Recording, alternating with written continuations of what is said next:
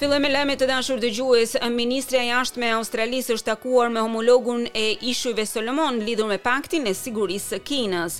Numri i të vdekurve nga një shpërthim në një hotel luksoz kuban ka shkuar në 22.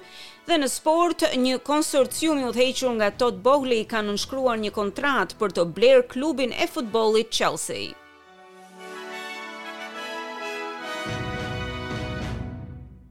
Fillojmë gjerësisht me lajmet. Udhëheqësi i opozitës Anthony Albanese ka shkuar në Launceston për të promovuar një investim me vlerë 26 milionë dollarë në drejtim të rritjes së vendeve të punës, si dhe prodhimit brenda vendit në Tasmani. Zoti Albanese thotë se Australia aktualisht renditet e fundit në lidhje me prodhimtarinë dhe vetëmjaftueshmërinë, duke theksuar nevojën që ne duhet të qëndrojmë në këmbët tona.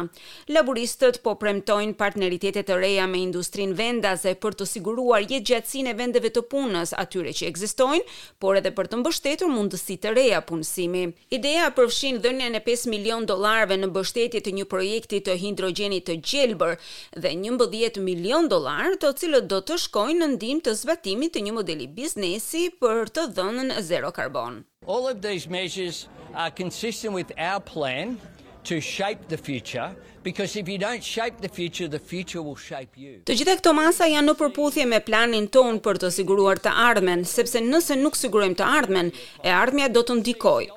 Ne duhet të shfrytëzojmë mundësitë që kemi nga tranzicioni në një ekonomi të pastër në mënyrë energjetike, të shfrytëzojmë të gjitha mundësitë për të krijuar punë më të sigurta, për të bërë ndryshime në Australi dhe në veçanti për të bërë ndryshime brenda Tasmanisë, tha ai.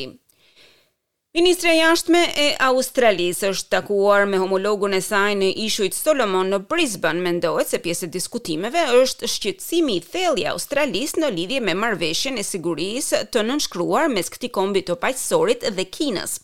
Është hera e parë që dy ministrat mblidhen që nga nënshkrimi i paktit.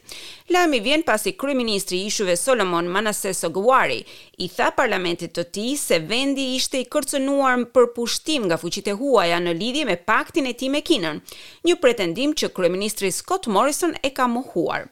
Ministri i Turizmit dhe Tregtisë Tehan i tha ABC se Australia mbetet ende partneri i zgjedhur i sigurisë për Indo-Paqësorin. We've just got to continue working and building that relationship and making sure that they understand that the role that Australia can play. Ne duhet të vazhdojmë të punojmë dhe të ndërtojmë një marrëdhënie të qëndrueshme. Të sigurohemi që ata e kuptojnë se roli që Australia mund të luajë në Paqësor është në fund të fundit në interesin më të mirë të kombeve të Paqësorit, por edhe në të gjithë zonën. Ndërkohë fushata zgjedhore federale tani i mbylli të dyja javët e saj, koalicioni po fokusohet në nxitjen e turizmit, ndërkohë që laburistët janë përqendruar në uljen e kostos së jetesës. Kryeministri Scott Morrison, i cili ishte në fushatë në Perth, njoftoi se kantinat e verës, distileritë dhe fabrikat e birrës do të ndajnë një fond të caktuar prej njëzet milionë dollarësh, i cili ka për qëllim që të sjellë turistët në veraritë e gjymtuara nga pandemia e Covid nëntëmbëdhjetë. Ndërkohë kreu i opozitës, Anthony Albanese ndodhet në Sidni, ku po fokusohet rreth planit të laburistëve për të ulur koston e jetesës, nëpërmjet politikave të kujdesit ndaj fëmijëve, energjisë së gjelbër, uljes së pagave dhe rritjes së inflacionit. Kandidatja laburiste për Greenway, Michelle Rowland, thotë se kryeministri nuk ka asnjë plan përtej fundit të fushatës, i cili do t'i vijë në ndihmë australianëve.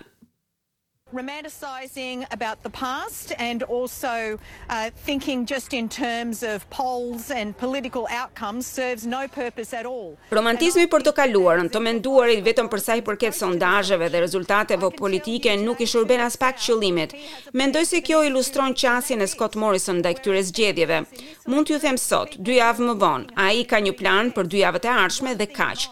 Ndërkohë familjet në këtë elektorat, njerëzit që punojnë shumë për të mbijetuar, ata që duan që të kenë të ardhme për fëmijët e tyre, janë lënë pas dore. Pasi kufizimet nga Covid nëntëmbëdhjetë janë lehtësuar në të gjithë vendin, autoritetet shëndetësore në Australi kanë kthyer vëmendjen e tyre ndaj objektivave të vaksinimit. Në New South Wales, farmacitë do t'i bashkohen një plani të ringjallur për imunizimet e adoleshentëve për gati tetëdhjetë mijë studentë, të cilët nuk kanë patur mundësi për t'u vaksinuar ndaj sëmundjeve të tjera në momentin që shkollat u mbyllën gjatë pandemisë. Autoritetet do të ofrojnë vaksina kundër virusit të papillomës, difterisë, tetanozit për personat nga mosha dymbëdhjetë vjeçare e lart. Numri i të vdekurve nga një shpërthim në një hotel luksoz në kryeqytetin kubanez është rritur në njëzet e dy persona, trembëdhjetë të zhdukur, sipas autoriteteve lokale. Shpërthimi i fuqishëm në hotel Saratoga në Downtown Havana dyshohet se u shkaktua nga një rrjedhje gazi që shpërtheu dhe shkatërroi muret e jashtme të ndërtesës. Operacionet e shpëtimit vazhdojnë për të gjetur ata që besohet se kanë mbetur mes mbeturinave. Presidenti kuban Miguel Diaz-Canel ka përjashtuar mundësinë e një sulmi terrorist.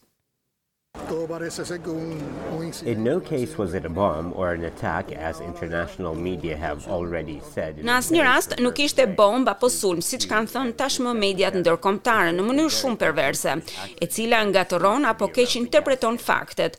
Është thjesht një aksident fatkeq dhe me sa duket ndodhi për shkak të rezervuarit të benzinës, tha ai. Pesëdhjetë persona, duke përfshirë këtu gra dhe fëmijë, kanë shpëtuar nga fabrika e çelikut në Azovstal në Mariupol të Ukrainës, ndërkohë që dy mijë trupa kanë qëndruar, në përpjekje për të mbrojtur atë që ka mbetur nga ky qytet-port i rrethuar tashmë nga trupat ruse. Zëvendës kryeministrja ukrainase, Iryna Vereshchuk, ka akuzuar Rusinë se do të vazhdojë të sulmojë objektin ndërkohë që po kryheshin evakuimet.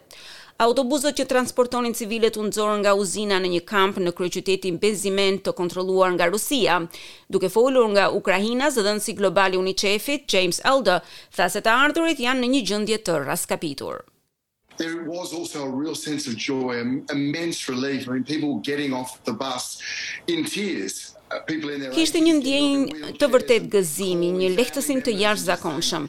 Njerëzit zbrisnin nga autobusi të përlotur. Njerëz rreth të tetëdhjetave, zbrisnin me karrike me rrota, thrisnin anëtarët e familjes dhe thoshin se jam gjallë, dola. Kishte pikëllim, zemërim, sepse ka ende njerëz të bllokuar në atë zonë. Presidenti Joe Biden do të takohet me liderët e G-shtatës, si dhe me presidentin ukrainas Zelensky, një ditë përpara ditës kur Rusia do të shënojë fitoren e Bashkimit Sovjetik mbi Gjermaninë naziste në Luftën e Dytë Botërore. Takimi virtual po organizohet nga kreu i shtetit gjerman, presidenti Frank-Walter Steinmeier. Sekretarja e Shtypit e Shteteve të Bashkuara, Jen Psaki, thotë se do të vendosen sanksione të mëtejshme ndaj individëve dhe kompanive të tjera ruse. They will discuss the latest developments in Russia's war against Ukraine, the global impact of Putin's war, showing support for Ukraine and Ukraine's future. Ata do të diskutojnë zhvillimet e fundit në luftën e Rusisë kundër Ukrainës, ndikimin global të luftës që ka nisur Putin, duke treguar kështu mbështetje për Ukrainën për të ardhmen e saj, duke demonstruar unitetin e vazhdueshëm të G-shtatës në përgjigjen tonë të përbashkët, duke përfshirë ndërtimin e sanksioneve tona pa precedent për të vendosur kosto të rënda për luftën e Putinit. Lajmi vjen pasi Këshilli i Sigurimit të OKB-së miratoi unanimisht deklaratën e tij të parë që nga fillimi i aksionit ushtarak të Rusisë në datën njëzet e katër shkurt, duke shprehur mbështetje të fortë për përpjekjet e Sekretarit të Përgjithshëm Antonio Guterres për të gjetur një zgjidhje paqësore për mosmarrëveshjen në Ukrainë. Kalojmë në Mbretërinë e Bashkuar, ku policia thotë se do të hetojë liderin e opozitës, Keir Starmer, në një përpjekje të mundshme të shkeljes së rregullave të izolimit të Covid nëntëmbëdhjetë vitin e kaluar. Lajmi vjen në mes të zgjedhjeve lokale në të cilat Partia Laburiste për herë të parë ka fituar Këshillin e Westminster, ku ndodhet shumica e institucioneve qeveritare.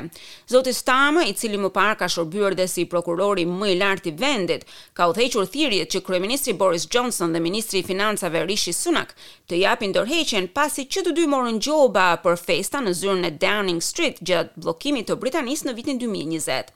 Kandidati laburiste për Putney, Fleur Anderson e ka mbrojtur liderin e saj për CNN-in.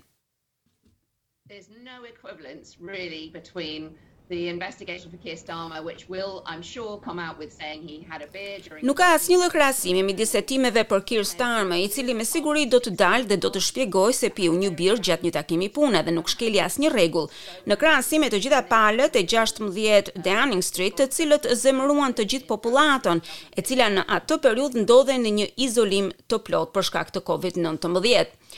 Një gjykatës i Shteteve të Bashkuara ka hedhur poshtë padinë e ish-presidentit Donald Trump kundër Twitter, i cili sfidonte pezullimin e tij nga kjo platformë.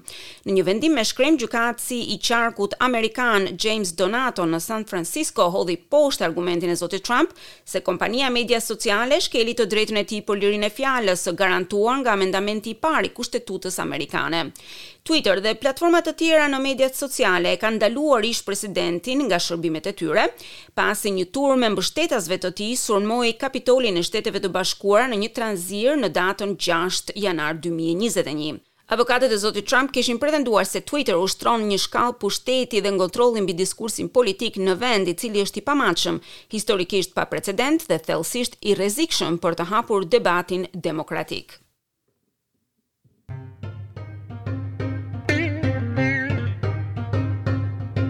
Kalojmë në kursin e valutës australiane. Një dollar australian sot këmbehet me 80.1 lek shqiptare, 0.67 cent euro, 0.71 cent dollar amerikan dhe 21.2 denar të Maqedonisë së Veriut.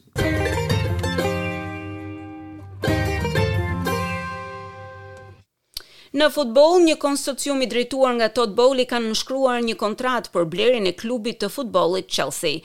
Bashkëpronari i LA Dodgers në bejsboll, themeluesi i Eldridge Industries, tani do të paraqitet për miratimin e Premier League dhe qeverisë vendase sipas autoriteteve dhe mediave lokale. Boehly pritet që të jetë figura më publike e konsorciumit, megjithëse aksionet më të mëdha në Chelsea do të mbahen nga firma amerikane e kapitalit privat Clearlake Capital. Konsorciumi kuptohet se ka rënë dakord për klauzola të cilat do të bllokojnë pagesat e dividendëve apo tarifave të menaxhimit deri në vitin dy mijë e tridhjetë e dy, duke ndaluar gjithashtu edhe shitjen e çdo aksioni të Chelsea për dhjetë vjet rresht. Marrëveshja e nënshkruar e blerjes përfaqëson një hap përpara në lidhje me zhvillimet e Chelsea, pasi ish-pronari rus Roman Abramovich e nxori klubin në shitje në mars, mes pushtimit të Ukrainës nga Rusia.